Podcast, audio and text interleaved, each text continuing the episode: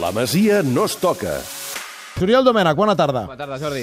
Bé, el bàsquet fa bona pinta, tampoc per tirar coets, perquè estem als quarts de final, però eh, estem en la setmana post-descens del Barça B. Hem tingut uns dies, li hem deixat uns dies a l'Oriol per madurar aquest descens, que, que era absolutament previsible, tal com estaven les coses fa cinc jornades, quan s'hi va posar García Pimienta, però aquelles dues victòries consecutives ens havien il·lusionat i l'empat al camp de l'Albacete, combinat amb tota la resta de resultats, ha acabat segellant el que jo crec que és just segons ha anat la temporada. Una temporada desastrosa al filial que no podia tenir un altre, un altre final que el descens.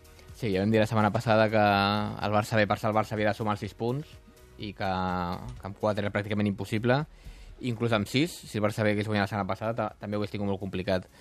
El Barça B li, va, li ha penalitzat molt aquells dos mesos que van cadenar 11 jornades seguides sense guanyar, 9 amb Gerard i les dues primeres de, amb el García Pimienta, i tu ho has dit, ha sigut una temporada bastant dolenta, excepte alguns partits bons, curiosament contra equips de la zona alta. Mm. Eh, el Barça B se'n va a segona B, justament.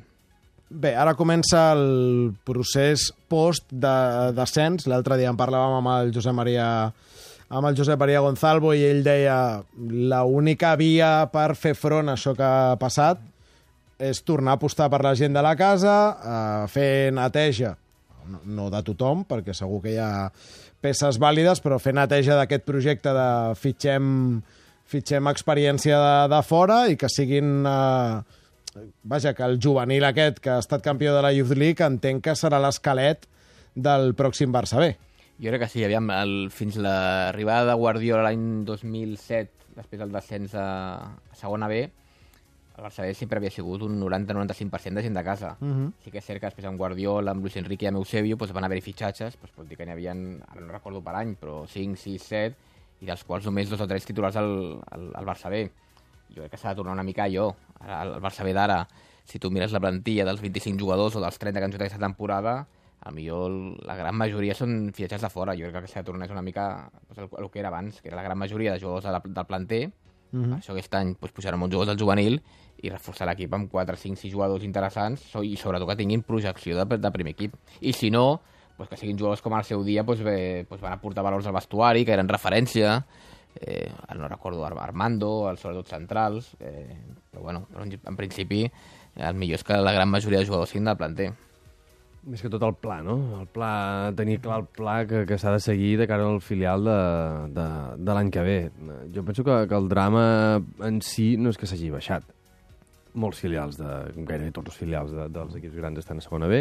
No és un, no és un drama que s'hagi baixat. El que és un, Només hi havia el Barça i el El Sevilla i se n'han anat els dos avall. uh, jo em refereixo més a la, a la quan prioritzes un, un, un, uns fitxatges de fora, amb, amb poc identitari, sens dubte, uh, perds, perds valor, i si a sobre prioritzes, tant sí com no, uh, mantenint la categoria, mantenint la categoria al final, mm, de tapar jugadors del, del, del juvenil, doncs a sobre acabes baixant, per tant, això sí que és un, això sí que és un per mi és un, un problema. Uh, la competició a segona B no és problema, els jugadors que sortiran uh, poden uh, estar capacitats per jugar al primer equip, sens dubte, que és un esglaó una mica més gran, també, però la qüestió és que s'han de foguejar, han de jugar a segona B, i els, que, els jugadors marcats uh, com a apostes del club, doncs que, que se'ls doni oportunitats al primer equip quan, quan es pugui, però s'ha de, de passar a, a, a aquest filial de, forma, de formador de, jug, de jugadors pel primer, del primer equip. No, no, no pots uh, sempre prioritzar mantenir la categoria sobre totes les coses. Per mi aquest ha sigut l'error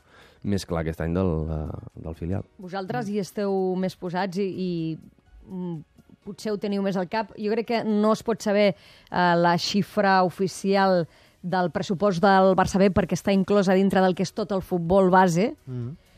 Però fa bastanta pinta que el, que el pressupost del Barça B és el més alt de la categoria, de tota segona A, perquè crec que eren 47 milions d'euros i això inclou el, el futbol base i eh, i, i el primer equip, proposa-li, jo crec que eren uns 15 milions de futbol base, és a dir, ja et dic, la xifra exacta no es pot saber, però si tu tens en compte tota la resta de pressupostos, fa la sensació que és el pressupost més alt de tota la categoria, perquè ja el, el segon crec que és l'Ossassuna, i ara us diré la xifra exacta de l'Ossassuna, però queda molt lluny del Barça B.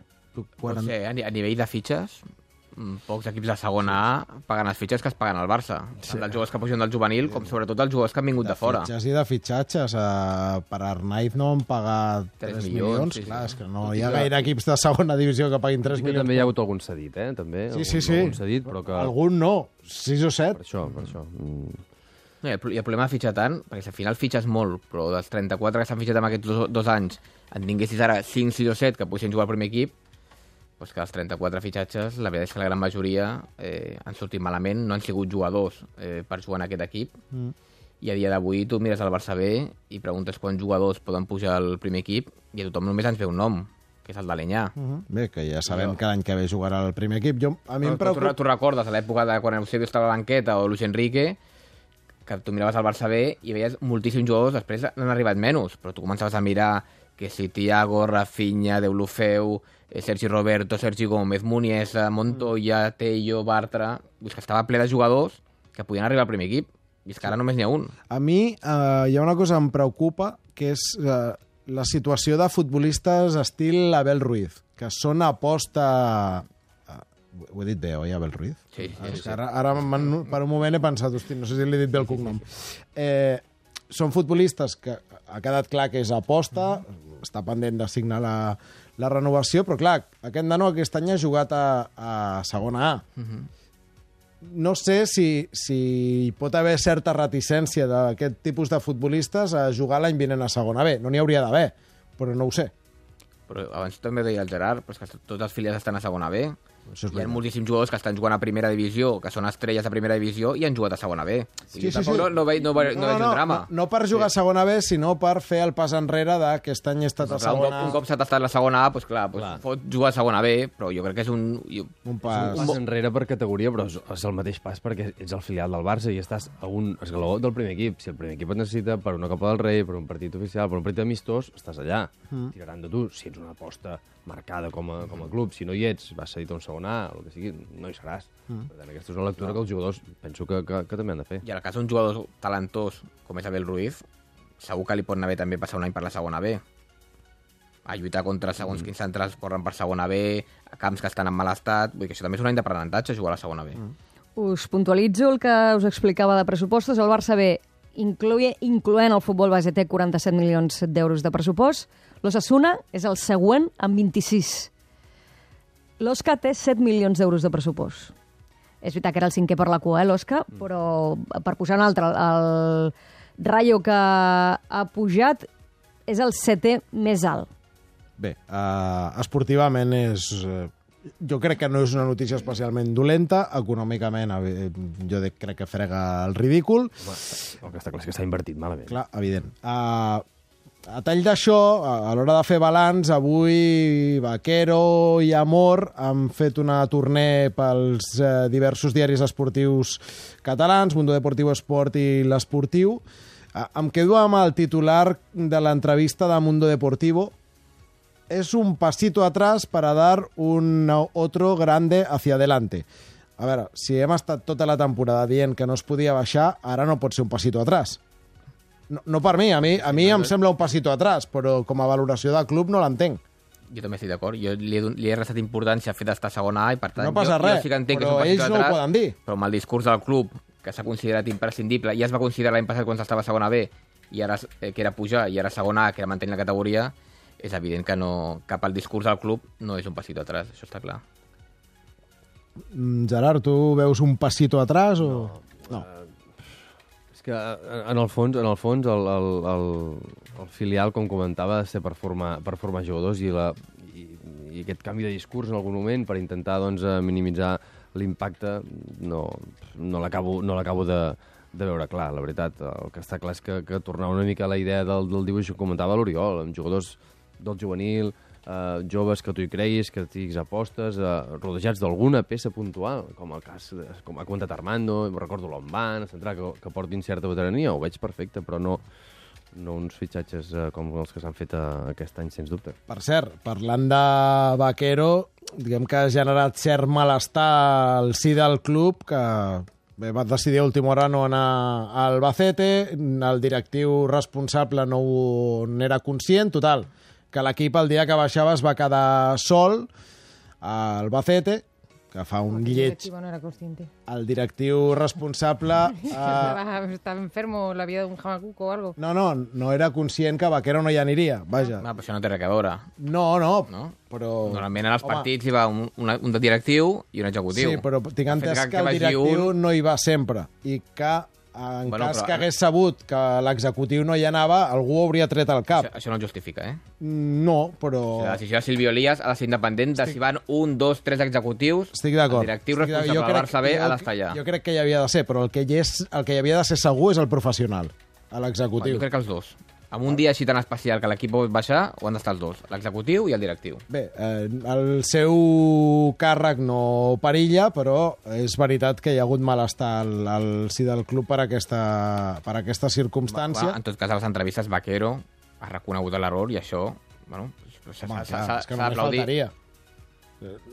Vaja, és que Hi em ha gent, sembla... que, hi ha gent que s'equivoca i no reconeix Ah, l'error. no, no, a mínim total- Vaquero ho ha fet. totalment d'acord. Jo, jo vull sentir Silvio Elias o llegir en algun lloc en una entrevista que, que, que es va equivocar en un anti. De Totalment fet, d'acord. textualment el que diu Aquero és abans de començar el partit vaig pensar, o vaig dir, hauria d'haver estat aquí, però no hi era. Diu, i fins i tot la meva família em, em va esbroncar.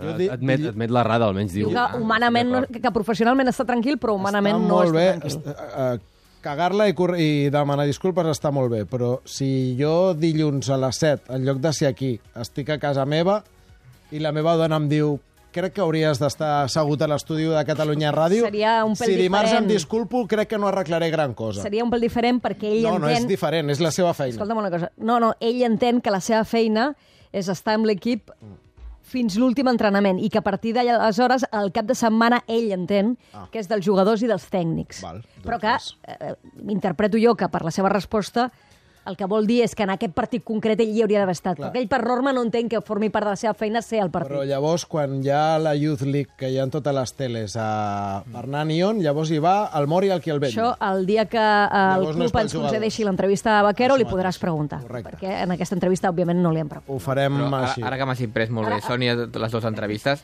Per cert, és textual aquesta resposta que us he llegit de l'entrevista de Mundo Deportivo. no, perquè les, els dos titulars grans de l'entrevista a l'Esport, un és, jo penso que, és, que seria això per parlar una mica de futbol, és no repescaremos a nadie que se haya ido por dinero. Aquest és el titular gran. I la segona peça, que és al costat, Sergio Gómez se fue por dinero. Home, estaria bé que parlessin més de futbol i no estiguin tan obsessionats en que els nanos del planter, que ja ho van dir a la roda de premsa aquella, eh, se'n van per diners. Sí. Jo crec que això estan una mica obsessionats amb aquest tema. Això m'està matant eh, la possibilitat que torni Tiago. Això no, no, no n'era conscient. Bé, Tiago no se'n va anar, tècnicament el, el van vendre. Suposo que es refereix a jugadors que marxen del futbol base. De fet, Bueno, diu, no repescaremos a nadie que se haya ido por dinero. No que Tiago marxés per calés. No, no, Tiago... no, ja ho sé, ja ho sé. a Va ser perquè no jugava. I- Se i- referiria i a això- un cas com el de Cesc, Sí, que però, entenc. però és que llavors aquí... Perquè Vaquero considera que tots els jugadors, el 75% de jugadors que se'n van del I futbol com, base... es, com es valora el que marxa per diners i el que marxa per un projecte esportiu? No? Tiago, per què marxa? Bé, perquè, perquè no volia jugava. jugar més. Sí, sí. I no por diners. Aquest, aquest pot tornar. No, Tiago, en el cas de Tiago és evident que no, vaja. Si hagués estat titular i marxa, aleshores et pots plantejar que marxa per calés. Però Tiago Boula- no estava Boula- jugant. i primer perquè va marxar. I Sergio- I Eric i Sergio Garcia Gómez, perquè va que passa marxar. de jugar al juvenil del Barça a jugar al primer equip del Dortmund, aquest marxa per diners.